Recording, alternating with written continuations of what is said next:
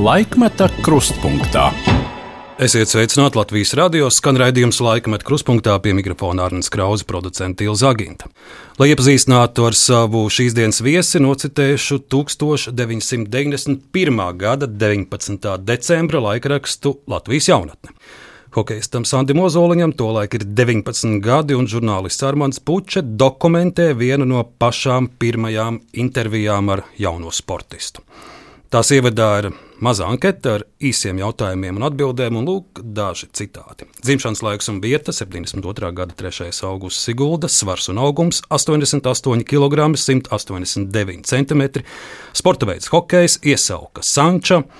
Bērnības dienauks Balderis, visrespektējamākais pretinieks, Maskavas Dienāmo, visgrūtāk apspēlējamais vārdsargs Artūrs Irbe. Kad izdodas iemest viņam, tad priecājos no sirds. Savainojumi, divreiz lausta kāja, hobijs, mūzika, esīdisi, skorpions. Ko vēlētos uzlabot savā spēlē, vēlētos stiprākas kājas, baumas, esot nodomājis pārdot vecāku vasarnīcu, mīlestība, pirmā un viena vienīgā, alkohols un cigaretes, kādreiz sanāk pēc spēles izdzert pa aliņam, visiecienītākie ēdieni un dzērieni, tomāti ar krējumu, Coca-Cola, Māņticība pirms spēles sākuma, kad tiesnesis nosvilps, sākam ātrāk slidot, es aizlidoju aiz vārtiem un tad uz vienas kājas izmetu nelielu līkumu. Tā pirms 33 gadiem ar sevi iepazīstināja to laiku vēl plašākai publikai maz zināmais Sandis Ozoliņš, viens no izcilākajiem Latvijas sportistiem. Šodien ir mūsu studijā Sandi.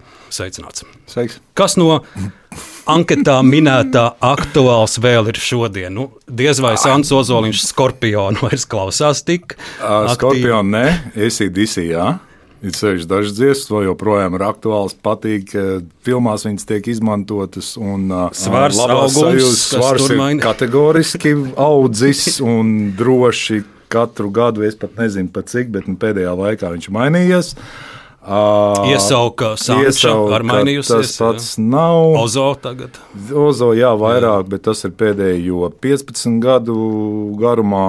Um, kas tur vēl Nu, bija? Tomāti ar krējumu ir palikuši, savainojumi ir apbrīnojami, cik daudz. Es saskaitīju 15 uh, operācijas ar pilno narkozi, man ir bijušas, tad man nebija neviena.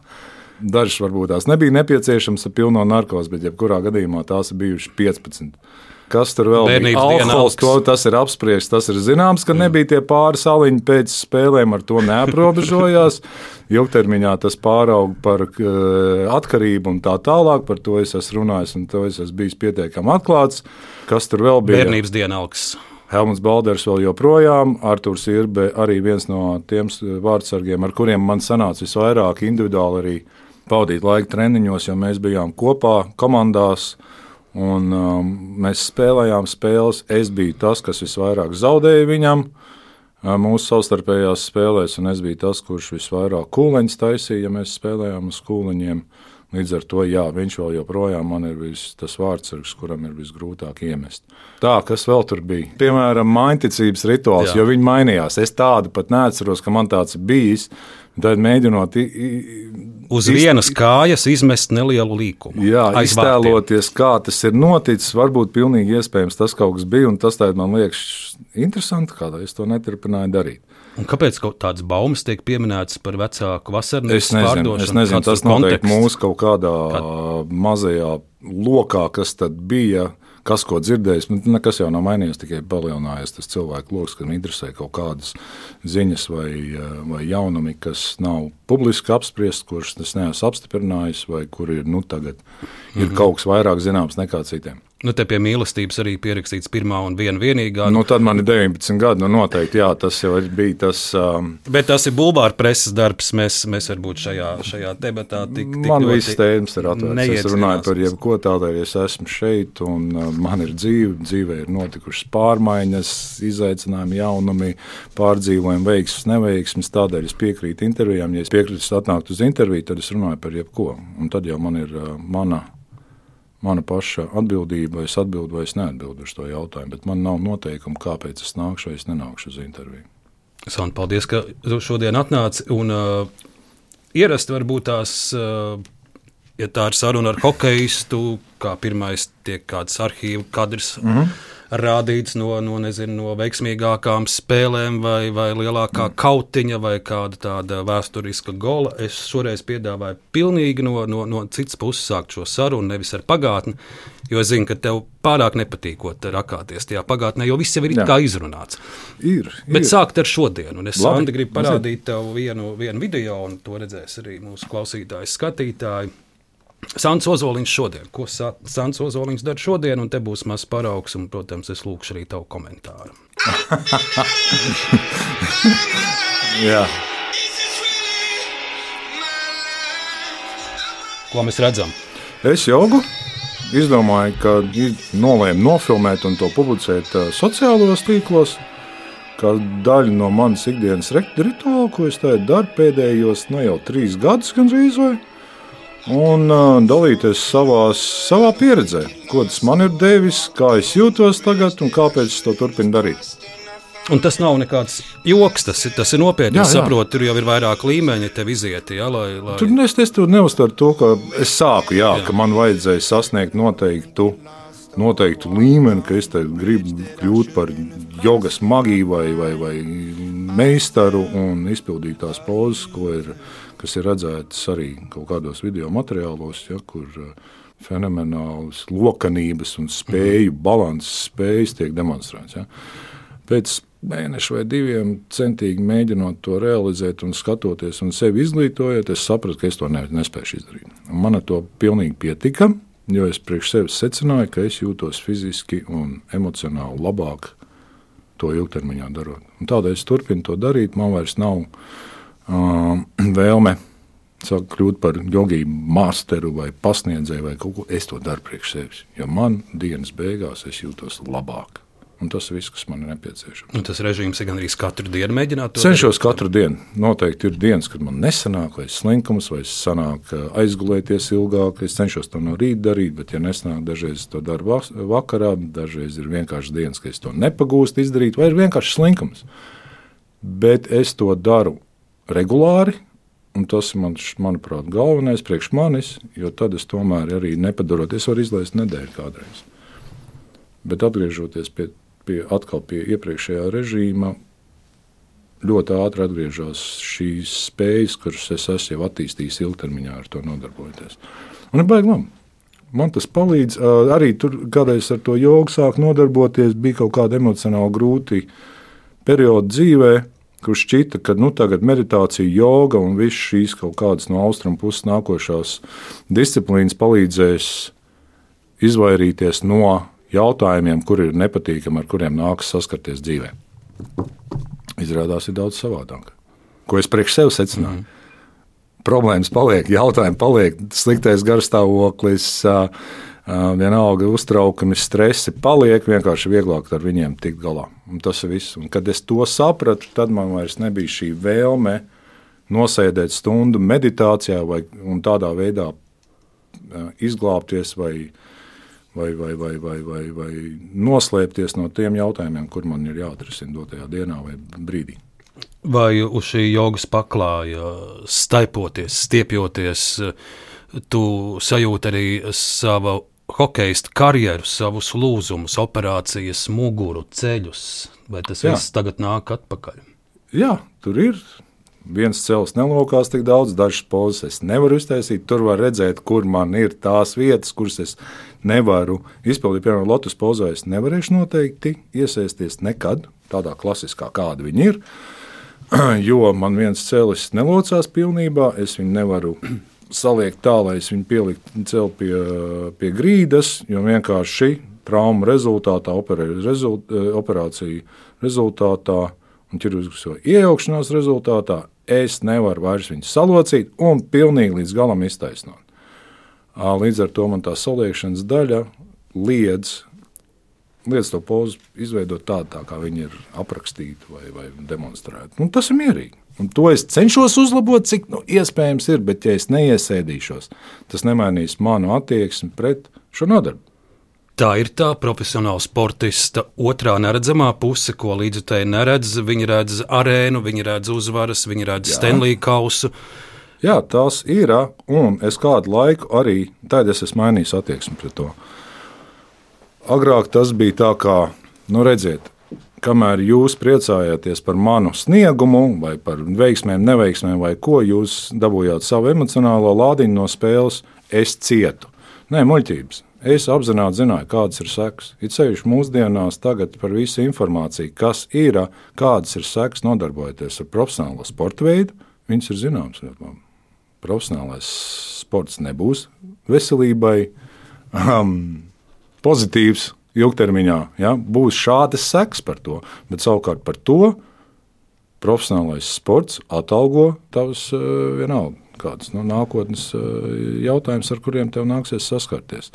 Uh, tas vairs nav attaisnojums. Tas ir es pats apzināti to darīju, jo man patika rezultāts, ko es saņēmu no viņa.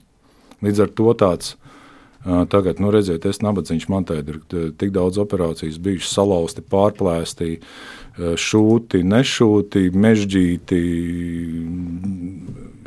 Vienalga, kas tur vēl pārējās, visas traumas, psiholoģiskās smadzenes satricinājumi. Tas nav mans attaisnojums. Nežēlojiet mani, es to darīju apzināti, jo man patīk tā eifórija, ko es saņēmu no aplausiem. Tāds ir mans viedoklis.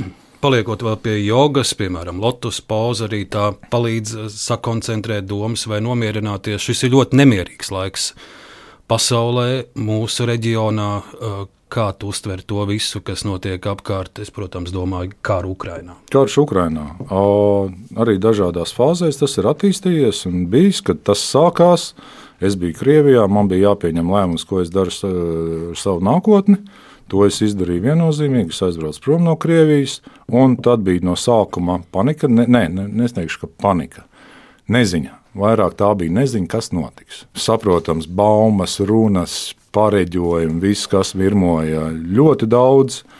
Bet realitātē es patiešām nezināju, kas būs. Es zinu, ka Air Baltica un pārējās avio kompānijas sāka atcelt savus reisus, un to jau sapratu, ka kaut kas ir nopietnāks noticis, ka tas vairs nav tikai reģionāls konflikts, ka šim jau ir uh, lielāka nozīme nekā tas ir bijis iepriekš. Bet 2022. gada 24. februārī tu biji Nižņija Novgorodas torpēdo klubā. Jā? Es biju Nižņija Novgorodā, es pamodos agrāk, jo man bija atbraukusi ciemos sieva pie manis. Viņa lidoja tajā dienā projām no Maskavas. Mēs lidojām savukārt uz Pēterburgu.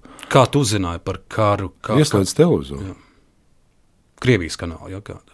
Jā, jā, jā. Nu, vienkārši ieslēdz televizoru, lai kaut ko apstītos, vai uzlikt no rīta mūziku, jā, vai fonā kaut kas tur skan, un pēkšņi nu, visos kanālos ir, ir uh, Krievijas prezidents, un viņš ar tādu dusmīgu seju stāsta, kas tagad būs. Nu, neteiksim dusmīgi, bet ļoti pārliecinoši seja, kas tagad būs. Un, ja kāds cits iejauksies, tad jums arī būs slikti, ja? nu, kas neizrādījās par patiesību.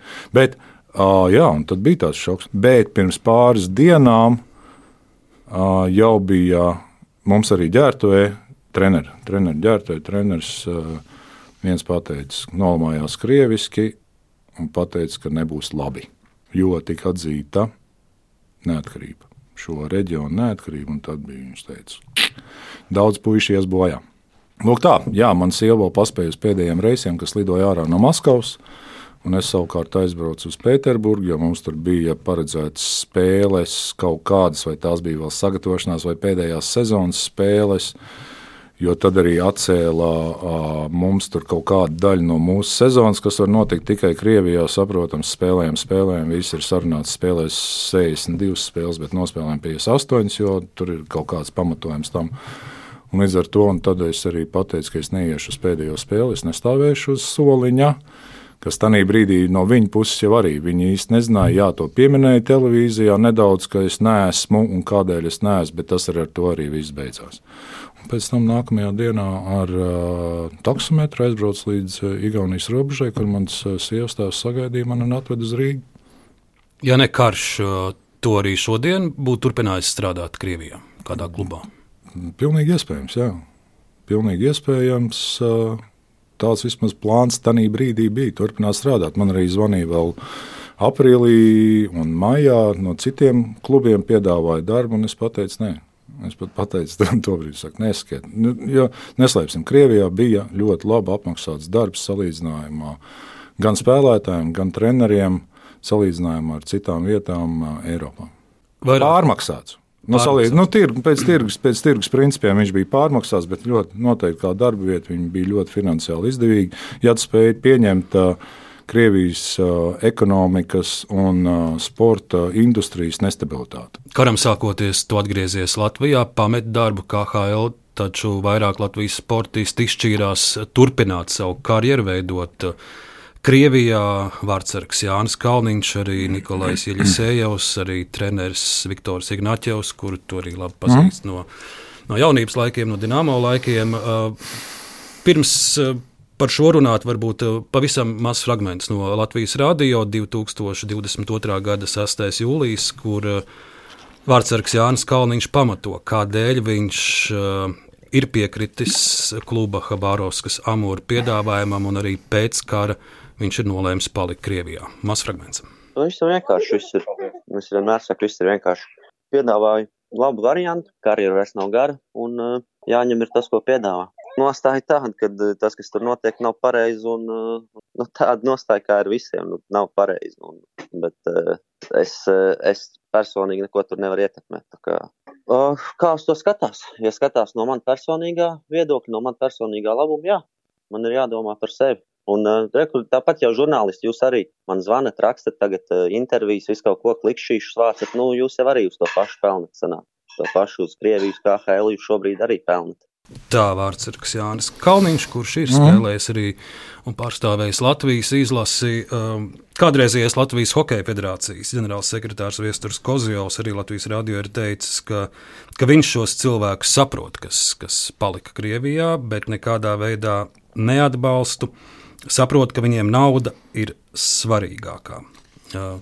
Kā, kā tu raugies? Tu šos sportistus droši vien arī vairāk vai mazāk pazīsti par šādu negribu, izšķiršanos. Es negribu ne saprast, ne nesaprast. Tā ir viņa izvēle. Jā, līdz ar to, ja viņi apzinās, ko viņi dara, kādas ir tam sekas, tad tas tikai skar viņus patiesībā. Ar to visu, kas, kādas varbūt seks, man nav ne jausmas, ar ko viņi no, tagad, kāda viņiem ir ikdiena, kāda viņiem ir, ar ko viņi saskarās. Jā, jā viņi izdarīja izvēli. Man bija pārsteigums par ziemeļamerikāņiem, kuri izdarīja to izvēli arī.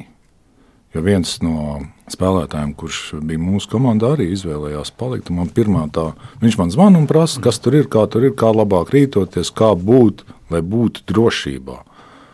Viņš jau apzinās, ka tas nav īsti drošs pasākums tajā brīdī, ja, bet viņš tomēr grib uzzināt, kā lai sevi pasargātu un kā lai uzvestos. Ja, tā, bet, un es viņam pajautāju, vai tev tas nešķiet kaut kā atgāni, ka tomēr tādas lietas notiek un, kā mēs sakām, nav pareizi, ja, kas nu, arī tāds vieglākā formā pasniegts. Uh, katastrofas, ja nav pareizi, kad cilvēki mirst. Nu, okay.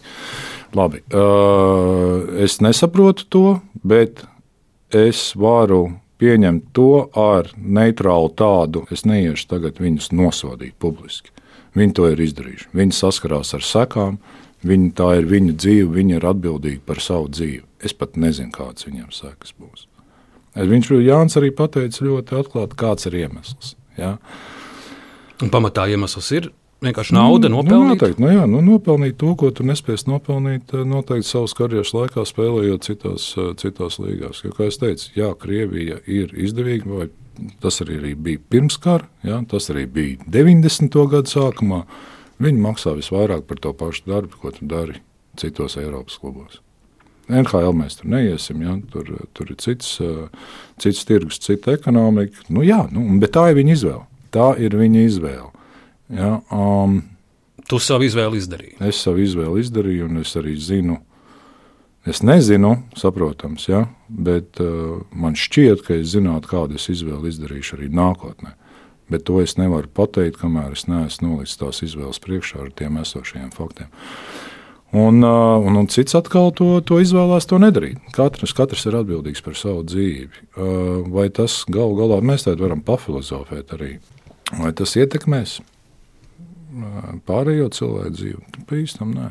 Bīstami. Nē, mēs turpinām dzīvot, vai kāds no viņiem atrodas tur vai nē. Mūsu ikdienas dzīve nemainās, mēs to atceramies vai ievērojam, kā piemēram tagad, ja, ka kaut kādos notikumos, sarunās. Tas nav, ka tas ir mūsu dienas uzdevums, tad apspriest katru dienu, ko šie cilvēki ir izvēlējušies. Mēs jau turpinām dzīvot arī tāpat savas dzīves. Bet tūlīt šim šausmīgajam karam jau trešais gads vai šogad laikā tu esi sazinājies arī ar saviem kolēģiem, bijušajiem kolēģiem, kuri strādā Krievijā, kuri varbūt dažs labs uh, publiski pat atbalsta šo karu un atbalsta Putinu, vai tu esi mēģinājis saprast viņu argumentāciju. Tad, kad es runāju ar, ar, ar mūziķiem, ar kultūras cilvēkiem, uh mhm. -huh. viņi man saka, ka, piemēram, Laima Vaikula runāja un, un, un Ivar Kalniņa un citiem, viņi saka, ka tie Krievijas mākslinieki Viņiem tur nav variantu, tāpēc, ka, ja viņi, ja viņi neatbalstīs Putinu, viņi zaudēs visu. Viņi zaudēs savu skatu, viņi zaudēs savus ienākumus. Viņi, mm. viņi ir spiest atbalstīt. Kā ir ar taviem kolēģiem, sportistiem? Nu, nu redz, tas jau mēs, mēs domājam, tā ir tā pati izklaides industrija. Ja?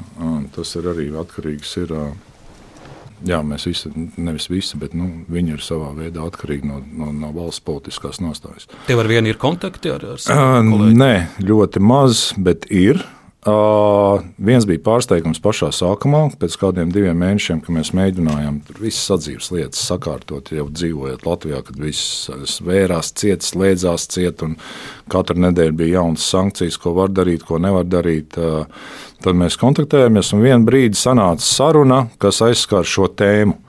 Un cilvēks, kurš man likās ļoti loģisks, ļoti mierīgs, dzīvojis ASV, pelnījis naudu ASV, sāka, mēs sākām strīdēties par politisko situāciju, par iemesliem.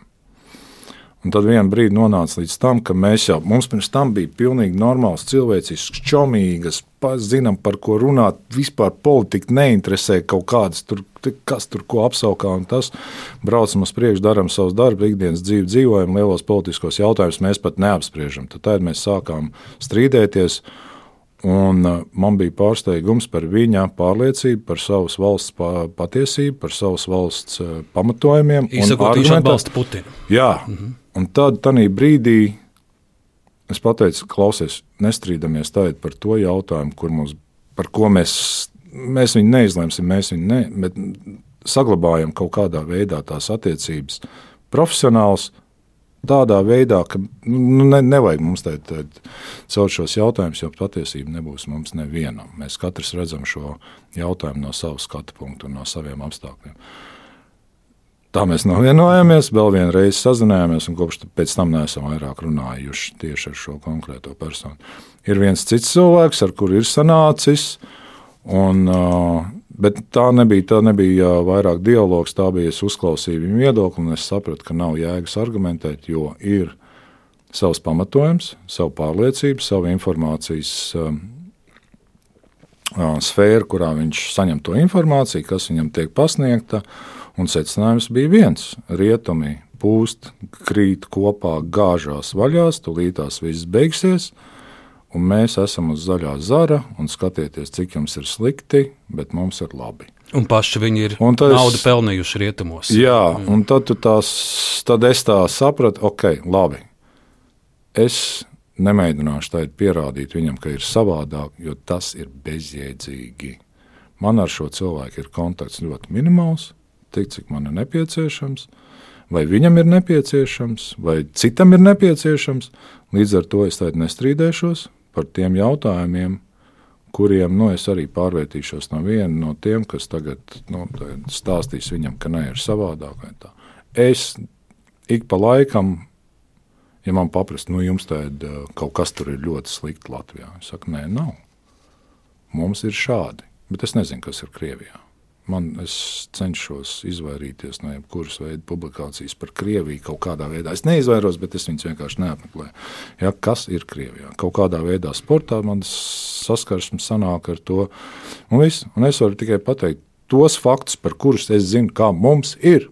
Ja, kur mums ir labāk, kur mums nav tik labi un tā tālāk. Sandi savā hokeja karjeras laikā to es izbraukāju. Krieviju krustām, mm. šķērsām, sākot jau no 90. gada sākuma, 80. beigas, un, protams, mm -hmm. tagad arī uh, Rīgas dīnāmā un strādājot arī KHL. Un es pieļauju, ka tev ir uh, savs vērtējums par to. Krievu cilvēku par to, kas, kas notiek viņa prātā un viņa dvēselē, un, un kādēļ tik daudz, tomēr tik daudz uh, atbalsta Putinu. Mēs, mēs neredzam Krievijas pilsētās plašas pretkara demonstrācijas un, un neko tādu. Kāpēc tas ir mans pieņēmums? Cilvēki ir patrioti, savas valsts patrioti un mēģina sev iestāstīt, ka tas, kas mēs esam, tas atbilst šai patiesībai. Jo neviens negrib atzīt, ka mēs dzīvojam tādā sociālajā vidē, kura varbūt tās nav citai pasaulē pieņemama. Man, tas ir tāds arī sava veida pasargāšana sev no, no patiesības atzīšanas pašam sev, nevienam citam. Ja? Tur ir daudz psiholoģiskie pētījumi vai kaut kādas atziņas par, par šiem masu psihozēm un tiem visiem patējot apakaļ līdz otrajam pasaules karam un vispārējo, kur adekvāti domājuši cilvēki spējīgi secināt, pieņemt lēmumus, un tādi pēkšņi pārvēršas par kaut ko, par ideoloģijas upuriem. Krievijas sportists, jo īpaši tos, kuri pat ļoti publiski atbalsta karu, būtu jālaiž uz starptautiskajām spēlēm, Nē. uz olimpiādi? Nē, bet tā notiek. Es uzskatu, ka nē, šobrīd nē. Uh, labi, tas viss tagad šķēpa laušana par starptautiskās olimpiskās komitejas lēmumu. Man liekas, tas absurds. Es jau to arī teicu. Nu, kas mums tagad būs neatkarīgā izlase, kaut kāda superneatkarīgā, viena, kas nav tikuši un uzskata, ka viņi ir tikuši, jā, kas nevar tikt savās izlasēs, tie startēs tādās, nu, kaut kādas tādas veida atkal apendicītas, ja, kur, kur, kur rodās no tā tas nav nepieciešams. Tas ir radījis konfliktu, un manuprāt, tiem, kam, kas panāca to, tas ir izdevīgi. Jo tagad vēl tas lēmums nav līdz galam pieņemts, neviens nav aizbraucis, bet jau pusotru gadu pirms notikuma, vai cik tā ir mazāk, pirms notikuma tiek laužts šķēpi sabiedrībā, kur bija noteikti vienoti par vienu jautājumu, kas attiecās uz tieši šo karu, kur visi ir vienoti, lielākā daļa. Ja? Un tad pēkšņi radās plaisas starp tiem, kas atbalsta to pasākumu konkrēto un nē. Viņi jau ir panākuši savu. Tā Manuprāt, visā atbilde ir, ka Krievijas sportists nav jāpielaiž lielajās starptautiskajās spēlēs. Nē, nevienā. Ja mēs nevaram nodalīt, vai nevajadzētu nodalīt, arī kaut kādas profesionālas līgas, ja mēs nostājamies.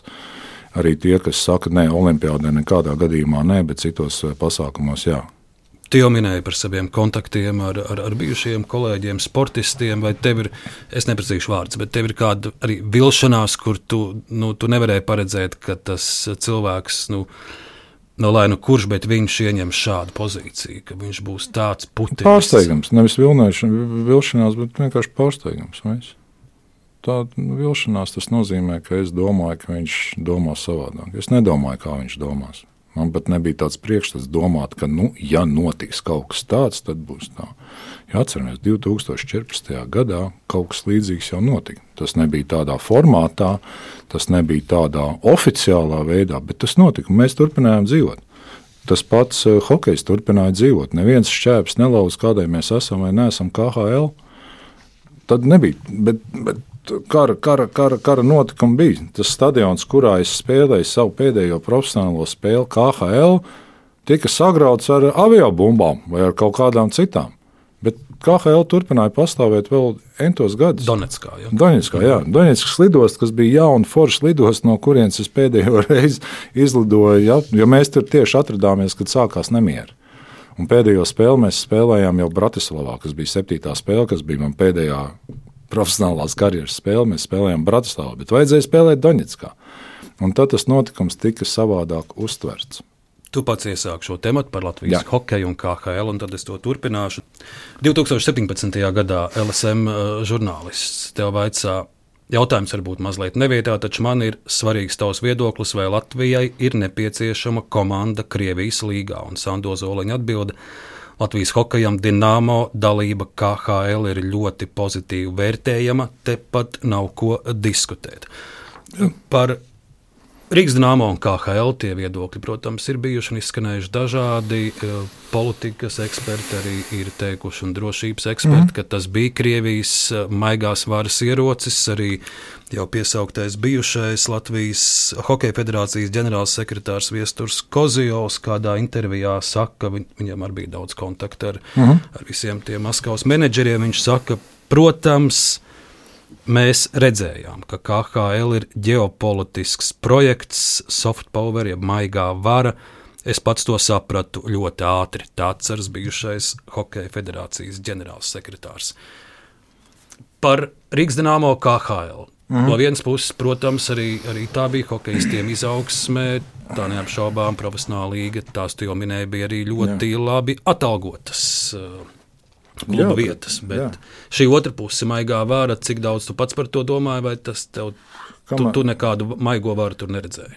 Šis, kad es pat, šo, šo atbildi, kad es sniedzu, tas bija tīri kontekstā no sportiskā ieguvuma, no spēlētāja ieguvuma un no izaugsmes iespējām. Ka šāda komanda, vai viņi spēlē KHL, vai viņi spēlē Somijas līgā, vai viņi spēlē Čehijas līgā, viņa ir priekšsportiskās izaugsmes nepieciešama. Jo viņai apakšā vēl ir junior komanda, kur arī spēlē čempionātā, kur ir augsta līmeņa vai nu, vid, virs vidējā līmeņa uh, sacensība un konkurence, tādēļ viņi ir nepieciešama sportiskajam izaugsmējā. Skatoties no cilvēka izklaides viedokļa, viņi arī bija ļoti fantastisks projekts. Ir ceļš, kad gāja labi pirmos piecus gadus vai sešus, kad bija interese par to pasākumu, kad bija pilna arēna Rīga. Pilna arēna Rīga, viss nāk atbalstīt ne kaut kādu maigo varu, vai, bet nāk atbalstīt komandu, vietējos čaļus, dažus ārzemnieks ir baigi forši cilvēki. Pa vienam, divu tā uz randiņu, puikas satiekās kopā. Sasēžās mašīnā, ir pasākums, uz kuru atbraukt un uz kuru pavadīt laiku, saņemt emocijas, pozitīvās, negatīvās, kā nu kurā vakar, jā, bet ir par ko runāt, un tas ir fantastisks projekts, izklaides izklaides nomā. Un kamēr tu šo stāstu man uh, prātā, nu pat ir viena atmiņa no, no arēnas un vērojot uh, Dienāmo spēli.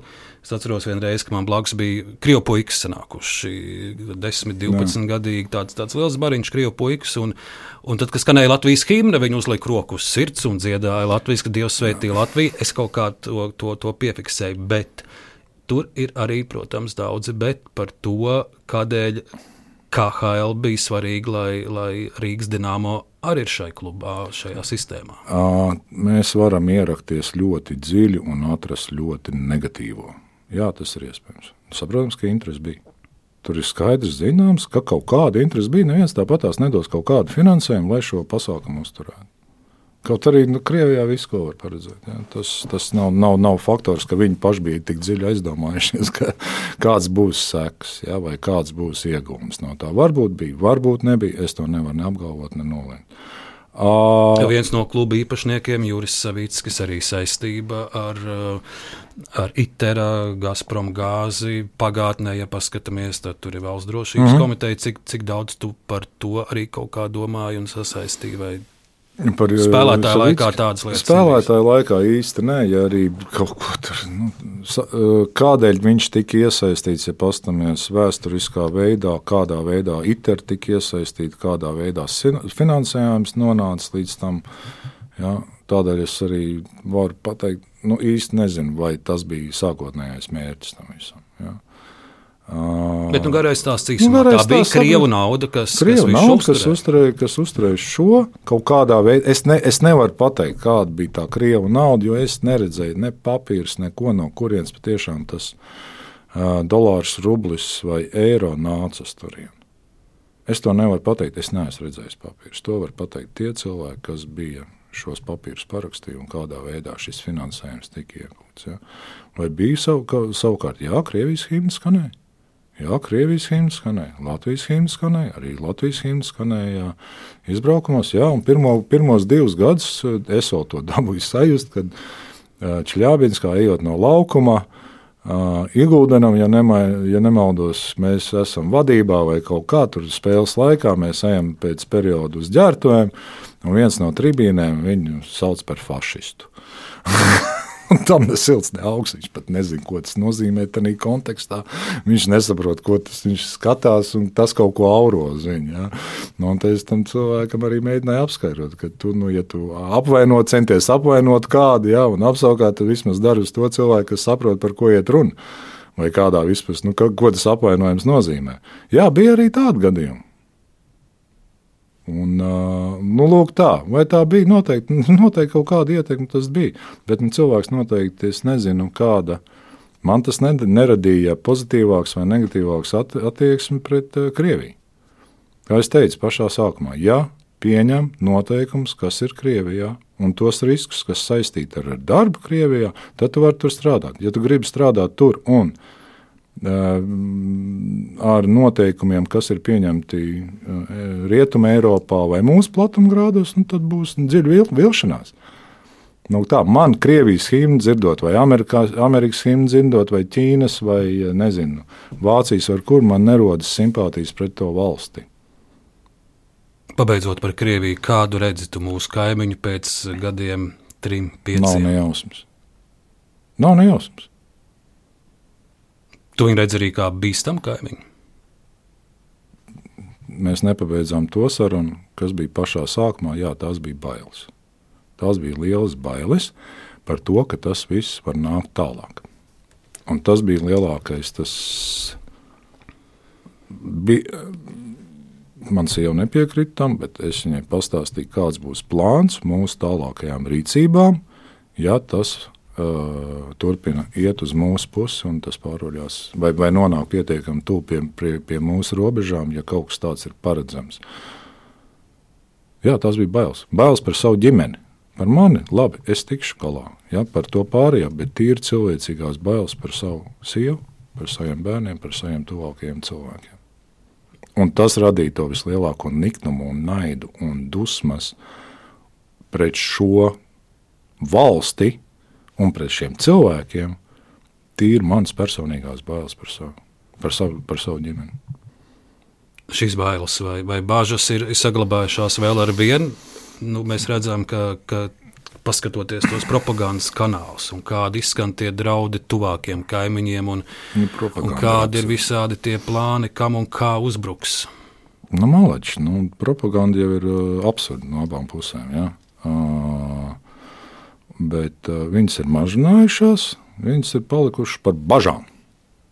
Varbūt tās kaut kas tomēr sanāks. Nu, vai tad tā būs, vai, vai tad tā būs tas, ka tur kāds papagailis kliedz un kaut ko tur stāsta. Ja? Nu, tas ir arī nav vērā ņemams, un tu līdās atkārtosim un kaut ko tādu. Nu, tas skaties, nu labi.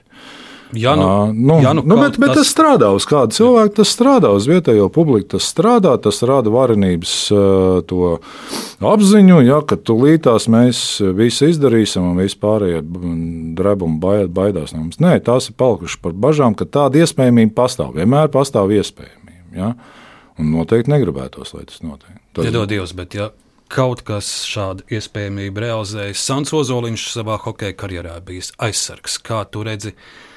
Kāds būtu tavs pienesums aizsargājot uh, mūsu valsts neatkarību? Ierodies iecirknī, kas, uh, kas, to, kas to veido šo aizsardzības sistēmu un pieskaties. Un nu, tā man, man šķiet tagad. Ja? Kas notiks tad, es nezinu. Ja? Uh, katram ir savs bailes, katram ir savs kaut kāds slieksnis, bet nu, šobrīd man liekas, jā. Uh, par to mēs arī runājām tajā brīdī, pirms uh, nu, jau drīz diviem gadiem. Teicu, šāds ir plāns, es darīšu šādi, jūs darīsiet šādi. Uz ko man sieva pateica, nē, nē, nē, nē tās plāns nav man pieņemams. Ja? Nu, līdz ar to cerams, ka tādas izvēles nebūs, kā arī daudzas citas izvēles, kuras es ceru, man nebūs jāpieņem savas dzīves laikā. Nevienam no mums. Nevienam, tas nav tikai es. Ja? Ir daudzi. Tādēļ es cenšos nerunāt par to, ko es nezinu, kā būs, kad nostāsies tās izvēles priekšā. Sants Ozoliņš raidījumā Laikmeta kruspunktā jau pēc brīža mēs sarunu turpināsim.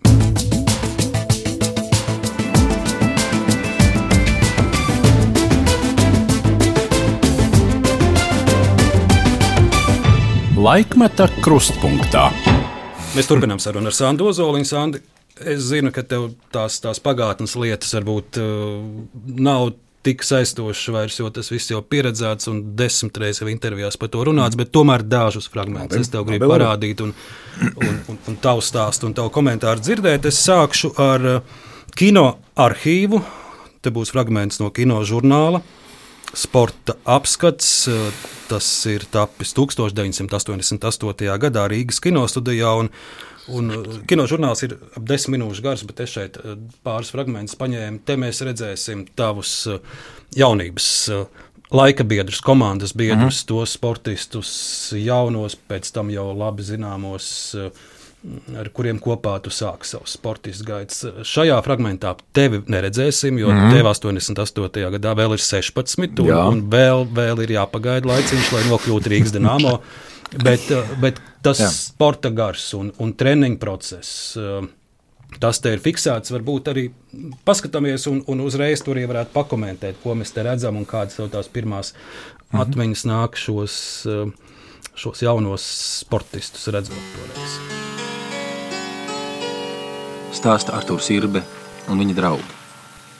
Rīgas dīnāmo meistaru komandas hokeisti Harijs Vitoļņš, Tomans, Normans Sējs, Ulas Katlaps, vecā sporta pils, kura bija kā hokeja templis mūsu laikā. Tā bija vienīgā vieta, nē, nu, divas vietas bija, kuras lidot. Viss mākslīgā veidā. Tieši hokejs un būtībā nekas cits, ja? Un tāpēc viss, ko dzīve ietver, tas, tas viss mums ir. Iemiesots hokejā. Jā. Vienā vārdā hokejā. Tā bija Artur Irbs balss. Jā, tā bija Artur Irbs un Olu Katla balss. Un es sēdēju blakus pēc tam, pēc nu, jau pusotra vai diviem gadiem pēc šīs, pēc šī žurnāla Olim Katlapam. Viņš bija kaut arī nedaudz vecāks par mani, bet viņš ļoti daudz ko pastāstīja, iemācīja un es viņā ieklausījos kas tie ir kaut kāds mikrofona balva vai kaut kas tāds, kas arī notika. Viņa arī bija multifunkcionāla hale. Kā tagad? Jā, bet nu, tad man bija 16 gadi, un tas viss likās ļoti episki. Pārlidojums. Par hokeju. Jā, treneris ir Jurzīnovs, ar viņu man nesanāca trenēties, un uh, viņš Visu nebija man treneris, jo man bija Dinamo pirmais treneris Evalds Grabovskis. Nu, šeit ir vēl jauni puiši lielā dīķa. Un, un, un, un. Tagad oficiāli Nāk, vai tas jau bija vai nebija olimpiskais čempions Haris Vitoļņš, tagad izlases treneris ar savu jau briedumu sejā tagad. Pieredzi un zināšanām. Jā, te ir laikam tas svinīgais viņiem pasākums, ka viņi tika apsveikti ar otrās vietas iegūšanu un sudraba medaļu. Tomēr, lai arī cik tas varbūt banāli izklausās, nevienam nav iPhones jācenšas. Viņi lasa tas ir interesanti. Viņi lasa toreiz Viņi lasa grāmatas. Bet te arī Normons Ejies ir tas, kurš saka, ka tā sportista uh, maize nav viegla. Tie ir 10, varbūt 12, 15 gadi un jādomā, ko darīt tālāk. Tev var tikpat filozofiskas domas bija 18, 20 ne, gados. Pat tuvu nebija. Jūra līdz ceļiem viss notiek. Un šis, tā, kad Normons to paklausies teicis, tad viņam bija 20 gadi apmēram. Jā, ļoti, ļoti nosvērta pieauguša attieksme pret lietām, kādas būs. Ja, bet paties, man, man noteikti tā nebija. Man tas likās viss baigi forši, viss notiek, nav nekāda riska, nav nekādas iespējas, ka kaut kas varētu nenotikt. Paklausīsimies vēl dažas atziņas. Izspiest maksimāli iespējamais, jo dzīvojam tomēr vienreiz. Priekš 20 gadīgi tas ir ļoti. Tas tev neviens nedos iespējas spēlēt. Mums pagaidām spēlēt, tas ir arī dzīvot. Nu, tā ļoti sentimentāli. Es nezinu, kāda ir cerībās. Pat tā mūzika. Gaidīja. Viņi redzēja tādu interesantu sapni. Tā kā dīķīši, dzidrs, dzidrs ledus tāds ilganīgs, un viņi sēž uz akmens pie tā aizsalušā dīķīša, un uz ledus sēž bērniņš mazs puisīts. Tas sapnis, tā dzīvē daļai ir pārvērties realitāte. Mm -hmm. Sandi, vēl viens fragments. Jā. Šeit ir jau tāds darba process, un es pieņemu, ka kaut ko līdzīgu, šis ir 88. gads, pāris Jā. gadus vēlāk pieredzēji tu, jo tu biji eh, tajās Kandavas Jā. vasaras nometnēs. Ja? Es Tad... biju tieši ar Rīgas Dienāmo, es biju divās. Mm -hmm. Pirmā bija pati, pati, pati interesantākā, otrā jau zināja, ko paredzēt tur, un viņa arī tika saīsināta, jo Kandavas nometnē bija blaktis. Mm. Un mums nācās pārcelties no turienes atpakaļ uz Rīgu, un jau to visu treniņu procesu Rīgā veidot. Tas nebija tik intensīvi iespējams, jo dzīvojām mājās. Paraudzīsimies 88. Jā. gadu Kandavā, Kauļaks, Znāroks, Cilā, Hantelis mm -hmm. un, un, un kā te dinamieši skrien kross un tā tālāk. Ulvis Sagurs. Noteikti pēc skrie... vienam no Ulvis skriešanas. Kaklavs, jā, jā. Nē, tas ir uh, Grunmans. Grunmans Sagurs. Viņš bija tajā laikā viens no fiziski visstiprākajiem spēlētājiem, kādi bija savā jaunības arī vecumā attiecībā pret pārējiem. Jo viņš bija tas prototyps nāko, nākotnes uh, profesionālam hokeistam, kas spēlēs NHL ļoti fiziski spēcīgs, vispusēji. Mums tā kā lāsts seko no bērnu kājām. Vingrinājumi primitīvākie, kādi ir, bet tāpatās viņi ir Oļegs Znaroks, nosvīdis acīm redzami. Nu, tā laika sporta stils. Jā, barjeras slēgšanas un viss pārējais, kas jā, šķita ļoti grūti un ir grūti. Jautājums ir, vai tas bija nepieciešams vai ne, ne, nebija nepieciešams, bet tas bija tā laika tā laika zināšanas, sapratne par to, kas kādā veidā var panākt tos vēlamos rezultātus. Tādā ziņā, ka varbūt tās metodes, kas bija toreiz, to ar šī brīža prātu un zināšanām saprot, ka viņas nebija tās efektīvākās un varbūt pat, pat savā ziņā kaitē veselībai. Jā, jā, noteikti. Tagad skatoties ar to zināšanu kopumu, kas ir, es viņas neglorificēju vairāk. Tādēļ man dažreiz ir dusmas par to, ka dažreiz cilvēki tās glorificē, grib atpakaļ vecos laikus. Nē, tā bija cilvēki, tā bija nepareizākās metodes pēc tām, ko mēs tagad zinām.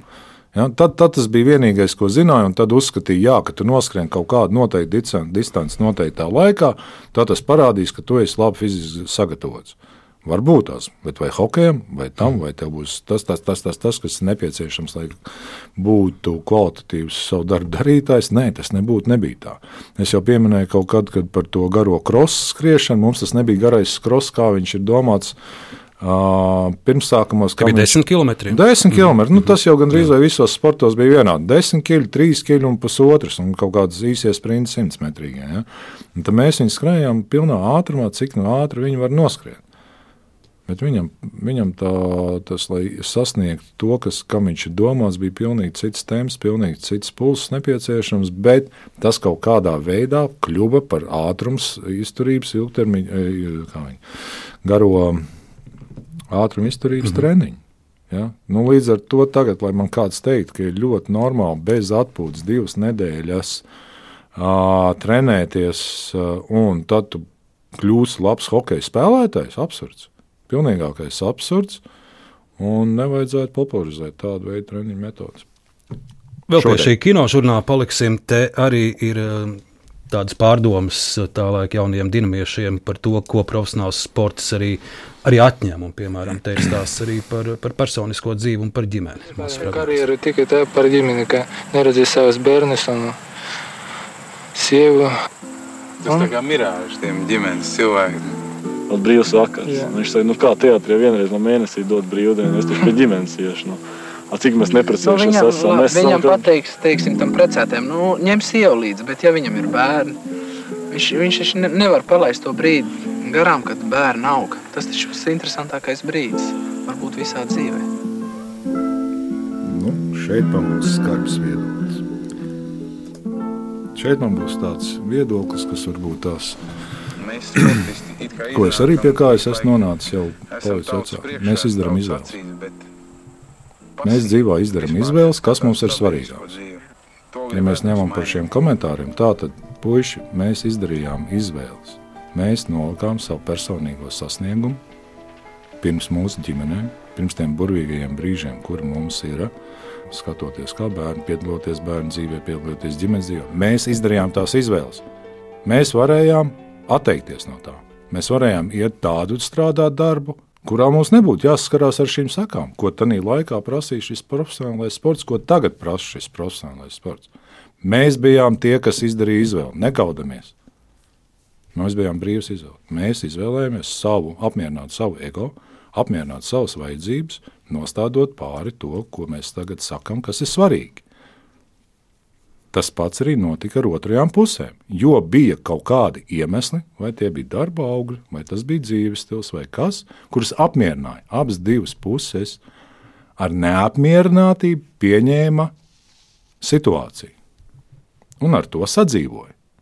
Man arī tas pats, kādreiz arī saku par, par traumām, par sekām, par visu pārējo, par publikas uzmanību, par pozitīvo, negatīvo, par uzslavām, par kritiku. Es pieņēmu to, un tā tad man nav tiesības vairāk žēloties par to. Es negribu dziļāk privātās dzīves detaļās, tik cik tu arī esi savulaik pats paškritiski un publiski teicis, ka Tev aug divi dēli Amerikā. Jā. Un tad, kad tev bija tas karjeras pīķis, viņi vēl bija mazs puikas. Es teicu, ka varbūt tā uzmanība tagad, ar tagadējo prātu domājot, bija pārāk maza viņiem.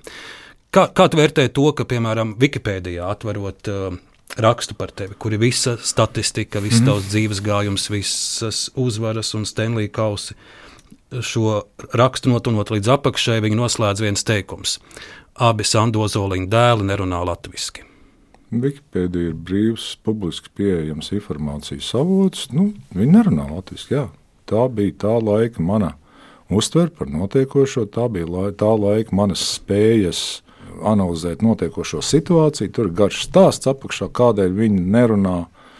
Uh, jo tur bija, saprot, arī liels valoda maisījums. Liels valoda maisījums, viss bērns, bērnam jāiet skolā, viņš mums atsakās runāt vispār, jebkurā valodā.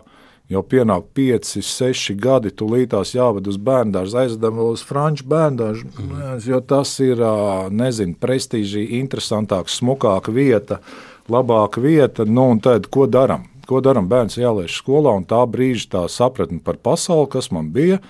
Labi, izvēlamies vienu valodu, tā kas būs tā, kas viņam ir pamatvaloda, te uz vietas, un ceram, ka puisis sāks runāt eh, nevi, ar pilniem teikumiem, nevis ar frāzēm un kaut kādiem norādot. Un to mēs izvēlējāmies tajā brīdī. Vai, vai tas bija pareizākais, nepareizākais? Nu, labi, ja tas ir kādam nozīmīgi, tad, eh, tad to, ja tas ietekmē to cilvēku dzīvi, kur tad, pārmetumiem tagad stāst par to, nu, tad jums tas ir nozīmīgi, jo noteikti jums ir kontakts ar viņiem, jums gribētu ar viņiem mhm. runāt, jums pieņemamā valodā. Tā. Viņi dzīvo Amerikā. Tā. Viņi reti kad atbrauc uz Latviju. Ja vispār, Bet viņi atbrauc. Ja, es nezinu, man nav viņiem bijis kontakts tādā pēdējā laikā. Un tādēļ es to nevarēšu pateikt. Ne, jā, ne, ne. Līdz ar to ja, nu tad, tad es tos lēmumus pieņēmu. Ja. Vai tie ir, nu, ja kādam tas ir ļoti svarīgi, lūdzu, bet tā ir viņa dzīve. Viņi ir izvēlējušies savu pamatdzīvi par ASV Un tā nu ir. Noteikti tagad, retrospektīvā skatoties, jā, man vajadzēja savādāk rīkoties.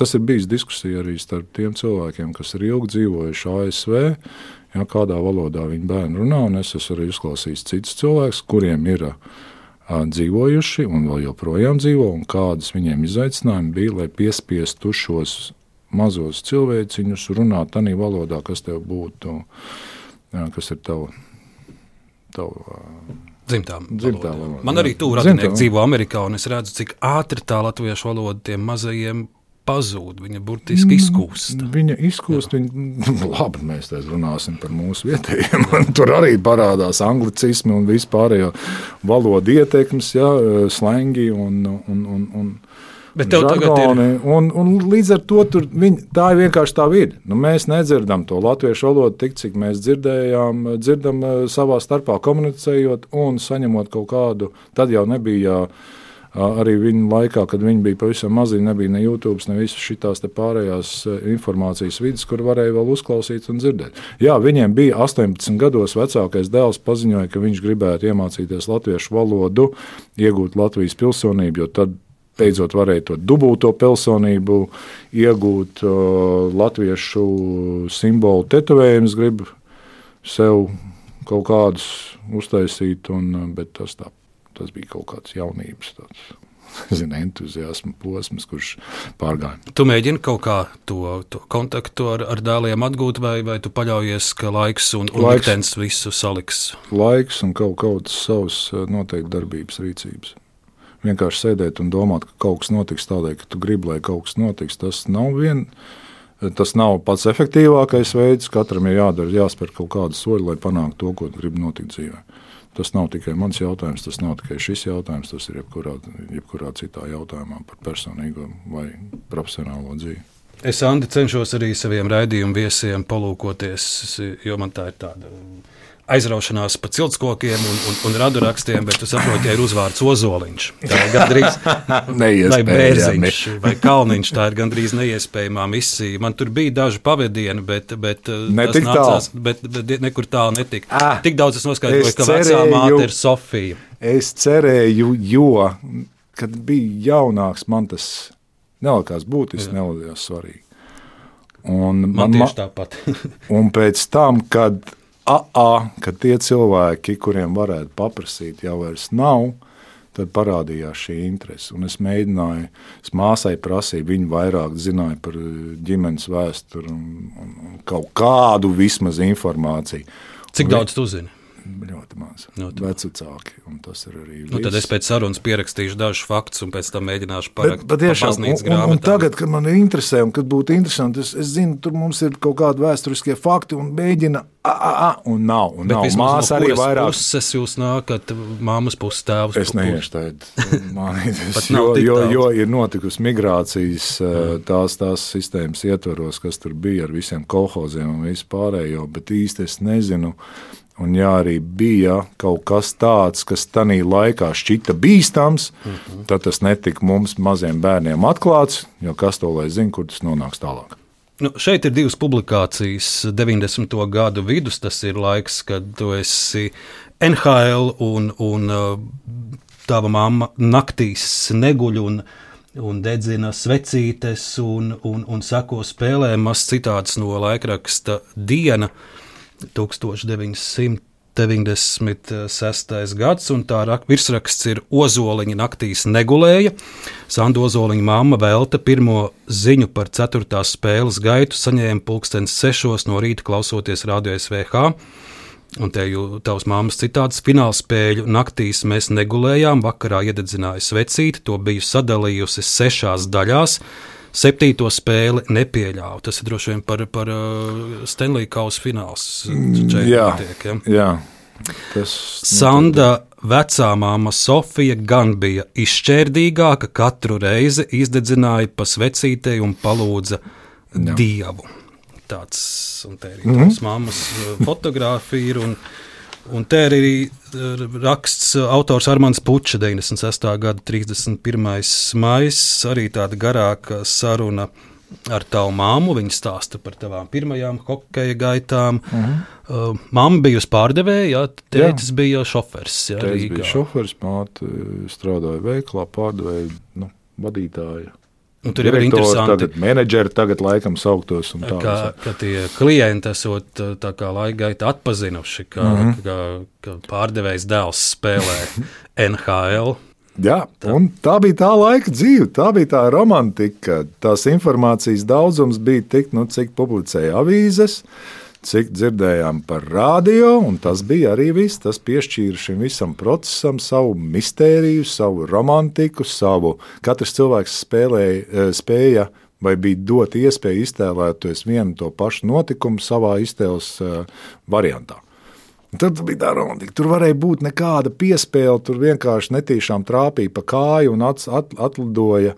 Bet, nu, ja uzraksta, ka Ozoliņš ir guvis piespēli, Nu, tad jau tā ir fantāzijas un iztēles plašums, kā es iztēlējos, kā viņš šo piespēli guva. Ja? Tā bija romantika. Tur varēja būt nekāda necila spēle vai kaut kāds necils sasniegums, bet nu, ažiotāža bija daudzreiz lielāka nekā tā bija, jo tā bija balstīta uz katra cilvēka personīgo fantāziju.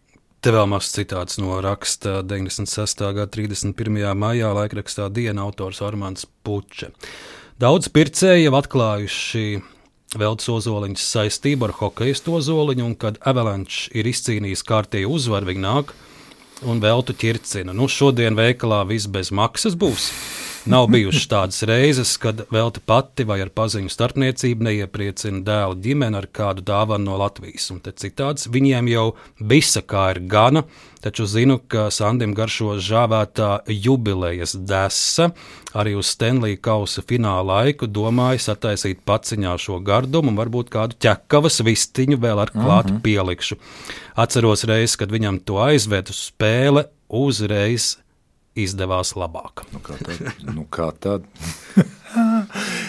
Jā, tad tika sūtīts paciņas. Paciņa galvenais sastāvs bija kaut kādas um, ēdieni, uh, rupmaize, sieriņa varēja atvest un to, bet ar laiku viņas pārtrūka, jo mainījās noteikumi, kādā veidā var tikt pārtiks sūtīt pāri robežai un to mm. visu. Arī sūtīja avīzes tajā laikā. Tie bija tie labie 90. kur nu, saņem avīzes ar uh, dažu nedēļu nokavējumu Bet nu, tāpat tās informācijas avots ir kaut kāds eh, nebieži, bet nu, ik pa laikam ielika avīzes, lai, lai piepildītu to paciņas, paciņas tilpumu noteikto. Eh, jā, tā bija. Tā bija arī sava veida romantika, bet pēc tam jau atkal notiek tas atsvešināšanās process, ka vairāk nav tas tik svarīgi. Es pirmo reizi, kad es braucu atpakaļ, aizbraucu 92. gada janvārī, uh, Maijā man tā liekas, es vedu ananāsus no ASV. Uz Rīgu. Uz Rīgu. Košļiņus, saprotams. Jā. Uh, kaut kādas vēl lietas, bet, bet ananāsi tas bija pirmais. Jo tad, 92. gada maijā, cik es atceros, ja nemaldos, ananāsi bija veikalā, bet bija kaut kāda maziņa. Un es tur lielu, smuku, speciāli skatījos ne jau pēc svaiguma, pēc, pēc izskata, vairāk skatījos to, to, to, to, to, to, to augļu lielumu un to. Un tā bija. Pēc diviem gadiem es jau vairāk nevedu ananās. Es nevedu tādu kvantumu ar košanēm, jo tas viss jau bija pieejams, brīvi pieejams. Tu labo mani, jo, protams, to zinās labāk, bet uh, tā laika NHL uh, sportista, hokeja atalgojums, es saprotu, tavs pirmais, pirmie mm. līgumi, viņi vēl gluži nebija miljonos, kā ne. tas ir tagad, jo to laiku līgā tikai viens uh, hokejs esot saņēmis miljonu vai tuvu pie miljonu. Tev esot tie, tās pirmās summas bijušas ap 150 uh, tūkstoši dolāru. 100, 100, nē, 100, kad es jau 180, 200, 220 bija pirmā līguma noteikuma. Spēlējot NHL, spēlējot fanklubā, bija pat 50 tūkstošiem gadā. Tas viss ir brutāla alga. Jā, tā bija. Tu un, sāki NHL, kad vēl nebija tie lielie miljoni. Nē, nē nebija. Mums komandā bija viens, kas saņēma miljonu. Viņš bija komandas labākais, pieredzējušākais spēlētājs. Un, man pirmo gadu. Pēc tam, pēc tā, ka Eriks Lindros parakstīja lielo līgumu, priekš tā laika lielo līgumu par 3 miljoniem, sākās šis vilnis ar algu paaugstinājumiem, ar algām, algām, algām, kurš pēc tam pārvērtās ļoti lielā sniega nogrūmā, un kas jau izgāja ārpus kontrols vienā brīdī. Bet nē, tad tas bija tieši tas pēc gada vai pēc diviem sākās šis pārejas periods uz jau pilnīgi citu ekonomiku sportā. Tev droši vien vairs nav prātā, bet, bet ja nu ir kas atmiņā tie pirmie kaut kādi tādi pat varbūt neprātīgi, neapdomīgie pirkumi par pirmo algu Amerikā. Kad tu varēji iet vienkārši botas, no kura plaukta viena grība, uh mhm. -huh. vai, vai kas bija tas, ko tu atļāvies, ko tu līdz tam Rīgā nevarētu. Tie nebija neapdomīgi. Man, ne, da, ne, ne, ne, ne. Tad es to varēju atļauties. Pieminēja botas, džinsi, džinsi jaka, ja, viena, divas. Ja. Tad es to varēju atļauties. Tādēļ nebija tāda tā kā nepārdomāta.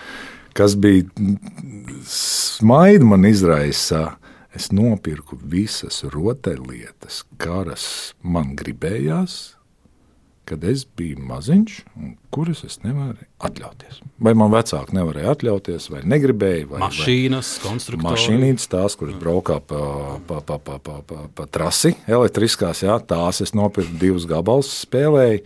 Es pat nezinu, cik ilgi viņas paspēlēja, bet es, tālāk es piepildīju savus tos bērnības sapņus. Tā arī komps. Tas Mario vecais pirmās, pirmā kaut kāda spēlīte, kur varēja spēlēt kur man vienam draugam bija, un tad nu, tikai nu, ļoti reti mēs varējām kopā paspēlēt, un tad tas bija vairāk. Es skatījos, kā viņš spēlē. Tos sapņus es piepildīju tajā laikā, un tie man likās baigi forši. Tas Šodien... bija rotaļlietas bērnības. Šodienas raidījumā arī tādu Amerikas laiku atsauks atmiņā Latvijas televīzijas. Uh, sporta kolēģu reportāža no Amerikas. Tā tika filmēta 2020. gada februārī, un te mēs redzēsim dažus tavus uh, bijušos kolēģus, kā viņi, un arī Amerikas sporta komentētājus, kā viņi atcerās laiku, kad uh, Sants Ozoliņš ienāca Amerikas hokeja. Mazs fragments. Labi. Kolumbusas Blue Jackets sastāvā šobrīd atrodas divi latvieši - Elvis Merzlīkins un Matīs Kivlanieks. Vēsturisks brīdis Latvijas hokejam, jo līdz šim vēl nekad vienā NHL komandā nav atradušies divi latviešu vārdsargi. Viņu vēlmes, kas skar ekipējumu, aprūpē Tīms Līrojs, kurš jau 20. sezonu ir Blue Jackets ekipējuma menedžeris. Tims 90. gadu sākumā palīdzēja spērt pirmos soļus Ziemeļamerikas hokeja leģendāriem Latvijas hokeistiem Sandim Ozoliņam un Artūram Irbem. Turklāt kopā ar abiem latviešiem 1992. gadā izcīnīja Terneri kausu, ko pasniedza IHL čempioniem, tolaik NHL Farm klubu līga. Viņam patiesi bija profesionāla pieeja, vienmēr draudzīgs un pieklājīgs. Atminos, ka pirmajā nedēļā viņam ieplīs kājsargs. Artūrs ienāca pie manas inventāra istabā un jautāja, vai tev ir adata un dieks?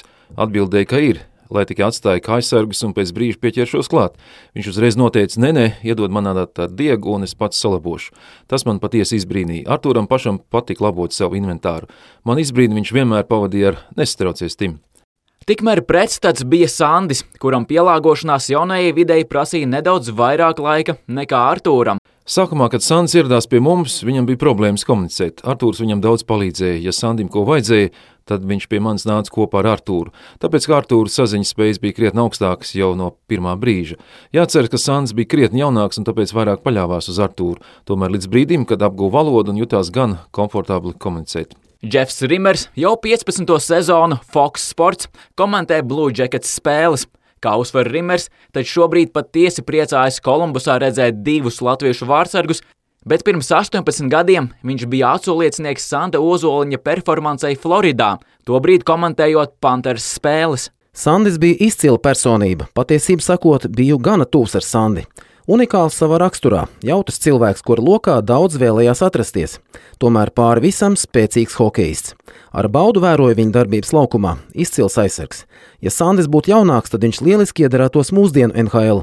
Šobrīd hokejs kļuvis vēl dinamiskāks un aizsargi pieslēdz uzbrukumam vēl vairāk. Sandis justos kā zivs ūdenī. Okay, komentēsim par valodu. Jā, tā bija. Nu, Aizbraucu un likās, ka angļu valodā bija, man tā liekas, pēc vecās baļu sistēmas četrnieks. Mm -hmm. Tad es sapratu, ka es neko nemāku. Labdien, uz redzēšanos, cik un uh, labi. Un tad, uh, bet uh, trīs mēnešos, bet tur man arī līgumā bija bonus, ja es iemācos angļu valodu noteiktā laika periodā, uh, tad man ir uh, atsevišķa samaksa par to. Bet tas nebija galvenais motivators. Galvenais motivators bija patiešām, lai spētu komunicēt ar cilvēkiem, lai spētu būt tādā vidē, saprast, ko no manis grib pateikt, ko es gribu. Pirmkārt, jau trenerim, jo no tā ir atkarīgs mans darbs.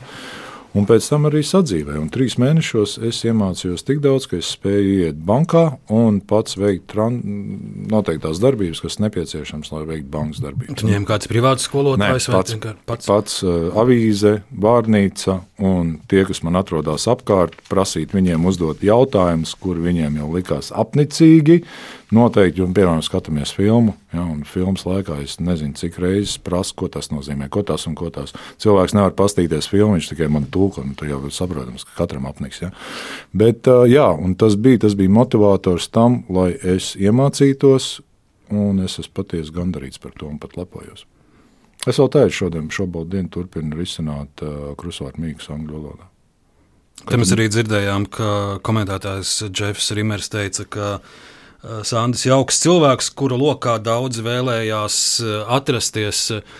Nu, to arī pats es stāstīju, kad, kad eh, dažādi bijuši tie, tie brāļi un pudeles brāļi, no, kuri, jā. kuri gribēja čamoties. Tur visādi gājis. Tā, tā, tā bija mana dzīve, tā bija mani piedzīvojumi, tā bija mana pieredze. Vai es apzinājos vai neapzinājos? Noteikti neapzinājos tajā laikā to, to veidu, bet man, es, es gūstu no tās visas, no tā visa kaut kāda pozitīva, kaut kāda, nezinu, ko es gribēju panākt. Ja? Bet es pat nezinu. Vai... Tā ir tiesa, ka tev bija doma palikt Amerikā un vispār neatgriezties Latvijā. Jā, jo es jau biju nodzīvojis tur 17 gadus. Man visa sadzīve saistījās ar ASV, cik mēs atbraucām šeit uz mēnesi mēnesi pavadīt atvaļinājumu te. Un tas bija arī viss. Tā bija viss mana saikne ar katru gadu.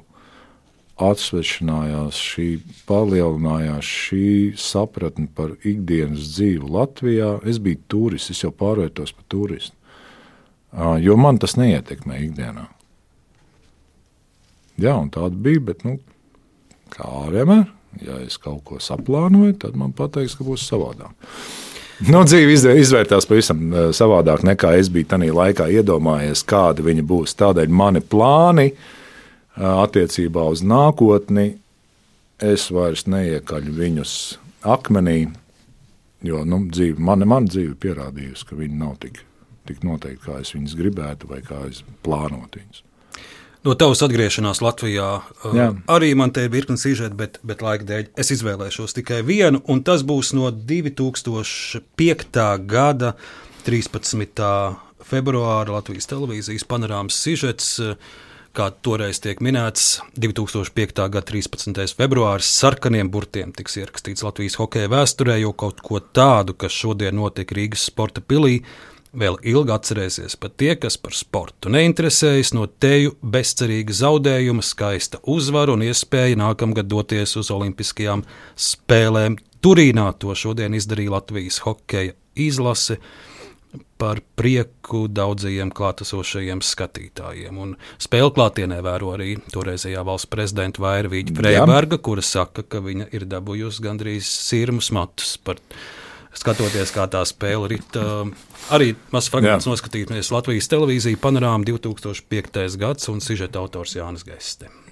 Visneticamākā spēle, kurā es esmu piedalījies, jo tādu rezultātu iedomāties spēles laikā, sākoties trešajam periodam, diezgan vai. Es, es tev varu pateikt, nu, ne, nedomāju, ka tā varētu izvērsties šī spēle. Spēle gan uzsāks ar Baltkrievijas valsts vienības pārsvaru. Pirmais periods 2-1, taču ne hokejs, ne arī fani plinti kromos nemet. Tad spēle pret Baltkrieviju. Spēle ieradušies noskatīties vairāk tūkstoši cilvēku. Lai gan tablo iepriecinošai nerādīja, fani par uzvaru nešaubās. Nu, nekas gan jau otrā periodā būs labāk. Vismaz uz beigām sāka mest pa vārtiem, vairāk metīs pa vārtiem, būs vairāk iespējas arī vairāk iemetīs. Otrā perioda pašā sākumā komandas apmainās vārtiem, un tas arī viss.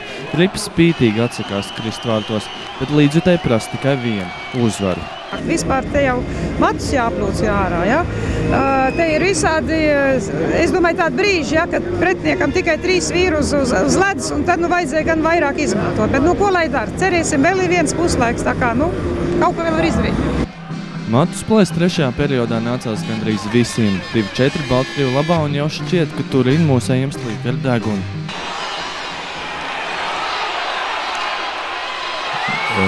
Es te nepiedalījos. Es tikai vienā, vienā, vienā vārdu gūmā kaut kur tur pie, pie, pazibēju, piedalījos, bet tas bija arī viss.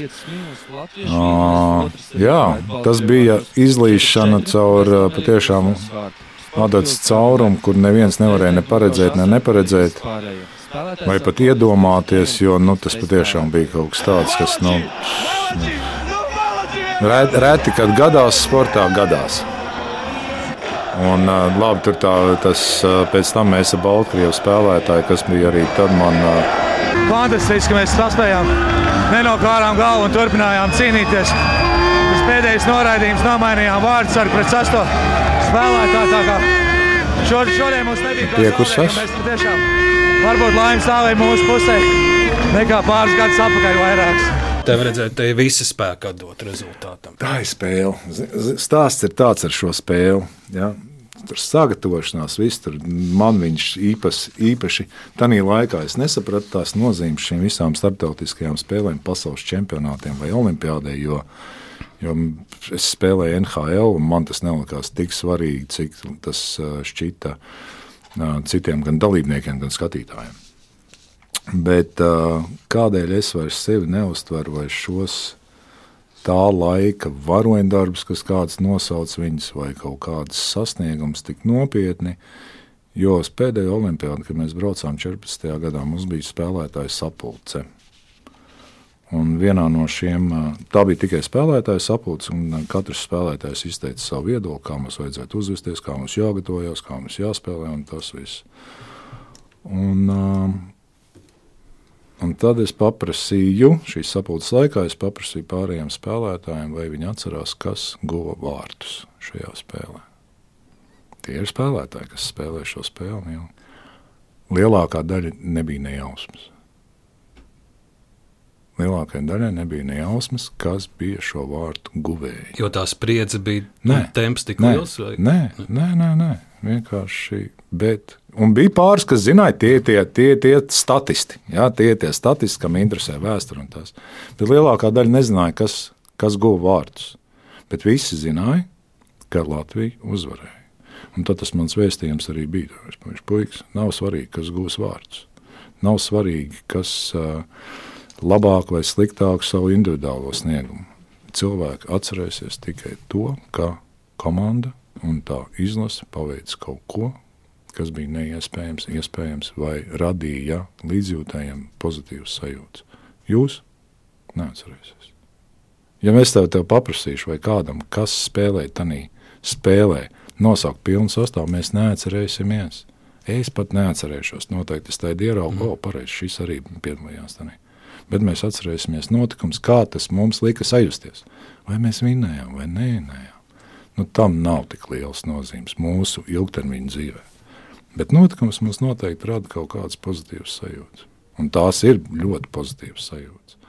Jo pēc tam, sēžot ar Baltkrievijas spēlētāju, pēc šīs spēles, kaut kur pēc stundas vai divām, šo te Tas nu, bija ļoti vīlies. Un, un, jo mēs bijām komandas biedri tajā laikā, Ruslāns Salējs. Un, nu, nezinu, vai tas bija patiesība vai nebija patiesība. Jā, bet Lukašenko bija jau pēc pirmā perioda izsūtījis lidmašīnu no Baltkrievijas, lai brauc un sagaida nākamos Olimpisko spēļu dalībniekus. Un trešā perioda laikā, kad jau viņi bija pacēlušies augšā un lidoja uz Rīgu, tad tika apgriezta atpakaļ un aizsūtīta atpakaļ. Ja? Vai tas bija tā vai nebija, bet stāsts ir labs. Santu minēja, ka daudz kas ar laiku izgaist no atmiņas. Šodien sarunā vēl viena sadaļa kas varbūt arī pašam tev jau ir izgaisusi no atmiņas, un tā ir tava saistība dažādos laika periodos ar politiku. Jā. Es paskatījos. Um, droši vien varbūt ir vēl kāda, bet es tādus trīs nogriežus redzēju. Ir bijis uh, laiks uh, 2000. gadu sākumā, kad tu esi izteicis publisku atbalstu tēvzemiešiem, konkrēti Andrim Mārgalim, uh mhm. -huh. kandidējot uh, Rīgas pašvaldībā. Jā. Tad ir 2010. gads un 10. saimnes vēlēšanas. Šeit ir citāts no, no, no ziņu lentēm. Startautiskie novērotāji gan norādījuši arī uz vairākām nepilnībām vēlēšanu norisē. Piemēram, mm. ne visos iecirkņos nodrošināti nepieciešami apstākļi, lai balsošanu varētu uzskatīt par aizklātu. EDSO Cilvēktiesību biroja novērotāji arī norādīja uz reklāmas pārkāpumiem, kā piemēram EDSO minēja plakātus ar hokeistu Sandi Ozoliņu, Jā. uz kura krekla ir numurs 8, bet apakšā pierakstīts sauklis par labu dināmo. Jāatgādina, to laiku kandidēja partija par labu Latviju. Es, es toreiz gāju. Esers Andris Šķēle. Jā, es toreiz gāju, man, man, man paprasīja par mani iesaistu šī projektā. Uh, Un es arī atbildēju tas, kas man bija. Nu, ko es varu padarīt, kad viņiem ir, man ir astotais numurs, viņiem ir astotais tas, un kā jau viņi to noformulē, nu tad.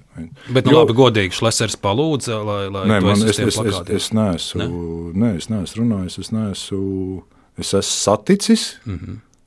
Ainārs Šlesers, bet es neesmu, nu, tad nē, tad, tad ne, ne, neprasīju, neko nerunāju.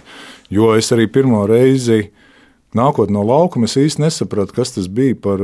Jo aiz, aiz tribīnēm, tur kur, tur, kur mēs sēdējām, arēnā Rīgā, bija kaut kāda paplāti. Un, un tur bija tas sauklis viņu un astoņi. Un es domāju, pagaidiet. Nu, vienmēr jau asociējos, nezinu. Nu, Bet ar, ar savu sapratu, ka tev vēl, vēl iekšā politikā. Vai mani velk, nē, vai to, ka izmanto, no, to nu, tas izmanto. ir skaidrs. Jā, katrs iztūkos to pa savam, kā nu viņš grib un kā nu ir. Nu, vai, tas, vai man bija pietiekami daudz argumentāciju, lai teiktu, veči apstājieties? Nu, nē, jā, es pateicu, es nedarīšu, es, es, es varu vai ne, izvēlēties, vai publiski, ja, piemēram, tad, kad tu pieminēji pirmo, jā, es to darīju, es, to, eh, es ar savu pārliecību un ar savu nostāju, jā, uzskatīju un uzskatu, ka Andris Ārgals bija eh, kārtīgs saimnieks Rīgā. Un vēl viens. Un tas, eh, tas man nav, bet ar to Jā. man nebija tādas saistības, kādas var šķist. Kā. Un vēl 2014. gads arī mazs citāts no, no Latvijas televīzijas panorāmas sižeta. Populārā Latvijas hokeja Sandu Ozoliņa paziņojums par došanos politikā, pievienojoties Ēnāra Repšas partijai Latvijas attīstībai, izraisīs spraigas diskusijas vēlētāju un politikas vērtētāju vidū. Vieni to sauc par katastrofu, otri saka, iespēja jādod katram. Un, Šī sižeta nosaukums ir Sandis Ozoliņš politikā, katastrofa vai jauna zvaigzne. Sižeta autorā Ikinca arī mazs fragments no 2014. gada. Es viņu pats neesmu redzējis. Tā ir. À, šo jau tādu. Biedrības Latvijas nākotnes fórums ģenerālsekretārs. Tas ir kura partija tā tagad iznāk, ja godīgi man Latvijas attīstībai. Latvijas attīstībai, tas, Jā. ko vada Repšis kungs. Jā. Kādēļ jūs palikāt tieši pie šīs partijas? Jūs minējāt, ka jūs ar vairāku partiju līderiem Jā. runājāt. Kas ir tās vērtības, kas jūs uzrunāja? Es redzu šeit pamatus, uz ko var celt un attīstīt Latvijas nākotni. Pēc šī Sanda Ozoliņa paziņojuma vakar tiešajā ēterā sarunā ar žurnālistu Ingu Spriņģi raidījumā viens pret viens vispirms reaģēja sociālie tīkli. Twitter lapā Ozoliņa aicināja nekāpt uz plāna ledus vai drīzāk grābekļa. Lūk daži komentāri. Interesanti, ko teiktu Sandis Ozoliņš, ja pēkšņi lielisks politiķis pieteiktos spēlēt hokeju Latvijas izlasē. Tāds, kurš reizēm slidojas, lidos lidotavā kā sabojāt reputāciju vienā dienā, iestājies repšas Latvijas attīstībai. Ak, Dievs, gandrīz sirdstrieku ķēru. Tvīti tādi, kā Sandis Ozoliņš būtu miris. Politikas ekspertu domas šodien dalās. Vienu uzskata, ka Ozoliņš sevi varētu parādīt spilgti, citi, ka tā ir viņa lielākā kļūda. Tā ir sava veida traģēdija Latvijai. Jo Sandrs Ozoliņš ir ierakstījis savu vārdu sportā oh. zelta burtiem, es gribētu teikt, un viens no izcilākiem Latvijas sportistiem ir es gribētu teikt, lēti pārdevies politiskai partijai, kura jūt krahu, ka viņa neko nevarēs izdarīt, un ir sev nopirkusi seju un spekulē ar šo vārdu.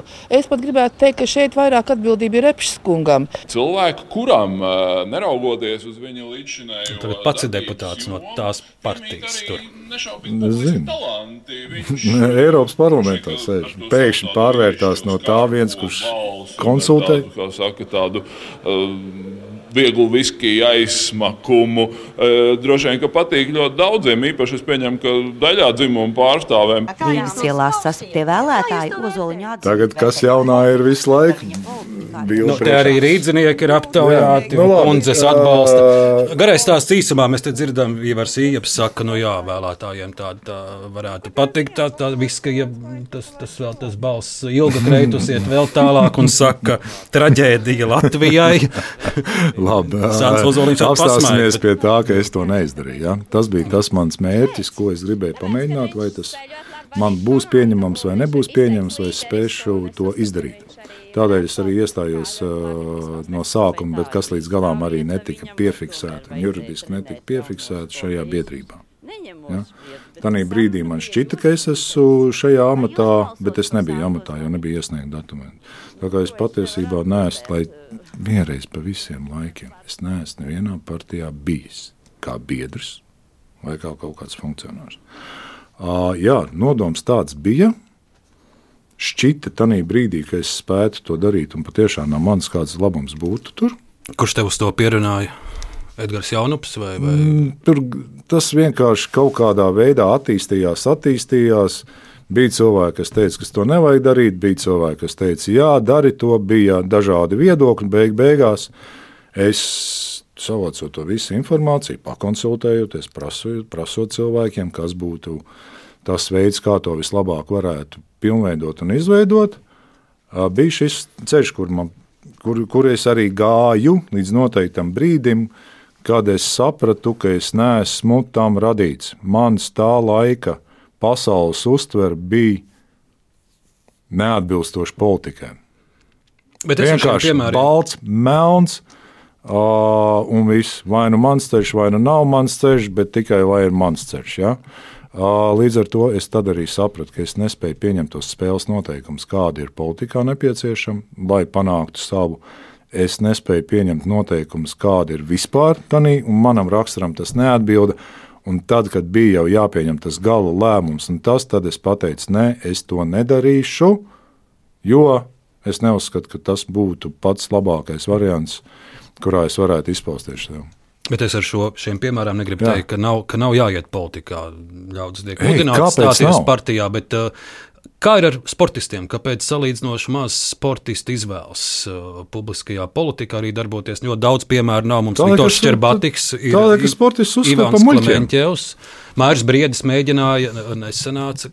Nemaz tik daudz nav to sportistu. Pirmām, pirmām kārtām, nē, nu kā, nu ir bijuši dažādi līmeņi sportisti, kas ir tomēr arī bijuši, ir gan olimpiskie čempioni, kas ir bijuši politikā, gan arī sportisti, kas varbūt tās nav sasniegušas tās sporta veidu virsotnes, kādu nu, mēs uzskatām, ja, vai kāds uzskata, ja, bet bijuši ir aktīvs sportists. Rēmons Bergmans vēl arī. Jā, nu, rekur ilgtermiņā ir, bet lielāko daļu uh, sportistiem, kas ir stereotips pirmais, ka tev nav izglītības, tu nemāki runāt, tu nemāki spēj, pie, neesi spējīgs pieņemt loģiskus lēmumus, loģiski domāt, kritiski domāt. Kā, ar ko es arī sastapos tajā īsajā posmā, kurā es piedalījos šajos visos procesos. Tas ir tas stereotips, kas ir jāpierāda, bet tas, tas nav attaisnojams. Tur bija tie komentāri, ja, ka sabojā reputāciju vienā Ai, beidz, dienā. Nu, kāda tā reputācija? Tāpat tās beidzas spēlēt, un pēc pieciem gadiem neviens neatcerās. Nu, nevienam nav interesanti. Es arī biju Es to sapratu pēdējā savā gadā, spēlēšanas gadā, ka tas, ko es daru, tas ir īslaicīgs periods. Tas ir tad, kad par tevi tiek rakstīts, publicēts, atskaites sniegtas, kas ir atskaita patiesībā presē, ja kāda nu, tas tavs sniegums ir bijis. Un, viss, un pēc tam ilgtermiņā neviens vairāk neinteresē, kā tu dzīvo, ko tu dari. Un tā reputācija. Ja, tā ir kaut kāds iedomu veidols, kas liekas tajā brīdī svarīgs. Nu, mēs runājam par politiku. Politika, protams, arī ir tāda liela Domā, grūstīšanās uh, saimā un, un, un partiju koridoros. Bet es vēl tomēr sarunā šodien gribu palikt pie, pie hokeja laukuma, kur mēs arī redzam bieži vien uh, sportistu, hokeistu grūstīšanos un arī kautiņus. Un, un es, Sandra, gribu uh, šodien sarunā dzirdēt vienu, vienu stāstu no tevis tevis par kautiņiem, jo ko tur liekties skatītāja publika, nevien tos skaistos golus iet skatīties, bet arī tās dūru cīņas. Un man ir prātā viens tavs uh, pieredzējums, tavs stāsts, kur Nu, tu, protams, to zini labāk, bet tur ir bijis tā, ka tas pretinieks, vai tik viņš nebija no Vitjas, kur tie kaušļi, ka viņš tev trīs reizes ir prasījis, nu, kuru no, Jā. kuru no Dienāmo komandas, tad, lai tur pabukņīja, un tu trīs reizes teici, nē, to neaiztiec, to neaiztiec. Jā, bet jā, kuru tad? Kas tur bija pa stāstu? Nē, nu, tur bija tā, ka viņiem bija tas. Uh, uh, ja viņi ir zaudētājos, nu, tad viņiem jārada iespējas, ka viņi cīnās, un tad nu, ir jāveido uh, tas izklaides variants, ka nu, kausies. Tā. Patiesībā tie ir puiši, kas māca kauties, kas trenējās kaušanās, kuriem ir noteikts prasmu kopums, ko viņi spēj pielietot. Kaušanās veidā uz laukuma. Bet ir tie vitijas, ja tie kauši, tie, tie, tie puiši bija, kas, kas, kas spēlēja tajā komandā. Nu, un tad, ja viņiem darba devējs saka, ka viņiem tas jādara, viņiem tas jādara. Viņi to paši labi apzinās, ka viņiem īsti pretinieka nav. Un, kad, jo viņi jau daļu tur arī boxā trenēja. Jā, jā, tur bija MMA un jā. vispārējie. Jā, un tad viņš nu, kā, nu, jau zina, viņ, es zinu, es sēžu uz beņķa, es zinu viņa uzdevumu, ko viņš tajā darīs. Jā. Un viņš nostāja nu, cimdiņš pusceļā, jā, viņš tulītās ķers un klapēs. Jā, un tur nu, tā, ir, tā ir tāda nu, vienvirziena cīņa, kur otram patiesībā nav nekādas iespējas pat sevi kaut cik aizstāvēt. Un tad bija tā, ej, klausies, nu varbūt tā šito nē, nu pie otrā, nu varbūt šito nē. Es te uzsaukšu aliņu pēc spēles, nu trešo arī lūdzu nevajag. Nu, viņš saka, nu kuru tad es varu te ņemt, nu neviena nav. Mūsu komandā, ieskaitot mani, neviens nav pilnvērtīgs viņam pretinieks kurš varētu aizstāvēt. Un tad jau tur redz, ka viņš tur slīd pie Miķeļa. Nu, jā, pie Miķeļa. Un, nu, pēcīt, nu, es zinu, Miķeļa, es zinu, ko tur drosmīgs jā, puisis, bet viņam nav tās uh, iemaņas boxā vai, vai tanī, tas pat nav īsti boks, tas ir iela cīņa uz ledus ar slidām kājās. Ja, tas mums ir vērtīgs spēlētājs, viņš tiks savainots.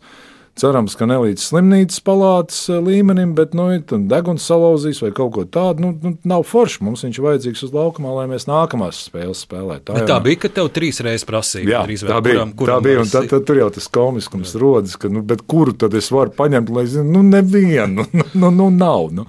Un, jā, tāda bija, bet puiši jau arī ļoti labi apzinājās, kur viņi ir, kāpēc viņi ir un kāda ir spēles noteikumi. Bet jā. tev ir bijuši arī reizes, ka tu esi devies palīgā saviem komandas biedriem, saprati, Andrejs Cibuļskis bija. bija jā, tas arī bija, tas, ceļiem, tas bija cita spēle, bet pret tiem pašiem. Bet pret tiem pašiem pretiniekiem, nu jā, toreiz bija tā, ka nu, jā, toreiz sapratu, ka komandas biedrs ir nepatikšanās un ir kaut kādā veidā jāmēģina palīdzēt viņam. Tas arī viss. Nu, tādas, tādas lietas tad notika, tagad jau tiek. Nā, pēc gada vai pēc diviem, pēc tās sezonas Raits Ivanovics atbrauc, nu, tad jau ir saprotams. Tad arī tie pretinieki zina, ka viņiem ir apzīmētais pretinieks, ar kuru viņi var pamēroties spēkām, spēkiem vai kaut kādā veidā sev pierādīt savu pamatojumu kādai viņa komandai. Un tad ir pilnīgi cits stāsts. To noteikti Raits var labāk pastāstīt, kādi ir viņu noteikumi. Es tikai no malas zinot, un viņa stāstu zinot, kas nav zināšana, es esmu dzirdējis. Ja? Bet, eh, jā, un tad jau tas viss iet pamazām, pamazām, pamazām pagātnē, nebūšanā, jo cilvēki ir sapratuši, ka tas biznesam īsti nepalīdz tāda veida spēles. Tik daudz par atmiņām un pagātni, bet sarunas izskaņā vēl Sandi par šodienu. Mēs jau runājām par, eh, par jogu, mēs nerunājām par golfu, kas arī ir mm. daļa tavas uzmanības, bet uh, Šķiet, ka šobrīd lielākā tava uzmanība ir par jauno atvasi, kuru tu audzini. Mm -hmm. Ja mēs runājam par tām bažām, kas te izskanēja, kā, kā, kādu tu redzi savas uh, pašas jaunākās paudzes uh, nākotni, drošību un, un, un kādu tu vēlies savu mazo izaudzināt? Mana atbildība ir šobrīd pret šo mazo cilvēciņu, tik cik es esmu pats personīgi atbildīgs par viņu. Ja, kas notiks pasaulē, kas notiks tur, es nezinu. Divi gadiņi, jā, ir tagad. Divi gadiņi, jā, un, un, un, un, bet tas, man laikam, lielākā atbildība ir laiks un uzmanība, ko es viņam veltu. Un tā ir tā starpība, ko es esmu sapratis laikam, ejot, mainoties man pašam kā personībai un ar savu pieredzi, ka tas ir par ko es esmu atbildīgs. Kas notiks ārpus, es nezinu. Man nevajadzētu tagad veltīt to laiku un atņemt to laiku, ko es veltīšu, ko es varētu veltīt savam dēlam. Ja? Jā, man ir citi pienākumi, man ir darbs, man jāpelnā nauda, man jāuztur ģimene, ta, ta, ta, ta, ta, ja? bet tas laiks, ko es viņam veltu, par to es esmu visvairāk atbildīgs. Pārējais viss tad jau redzēsim, kā būs, kāds būs noticis, kāda būs notikuma attīstība, un tas globāli man nav nejausmas. Tā saka Sandrs Ozoliņš, nu jau vairs ne vienīgais, bet pirmais latviečs, kurš saņēma Stanley kausu. Ļoti ilgi, ka būs vēl pirmais. Sandra, liels Jā. paldies par sarunu. Paldies tev. Pie Latvijas radio mikrofona bija Arnis Krause. Paldies par sadarbību arī Latvijas Nacionālajiem arhīvam, par skaņu gādāju Reinas Budze un Nora Mitspa producenta Ilze Agīntā. Turpiniet klausīties Latvijas radio.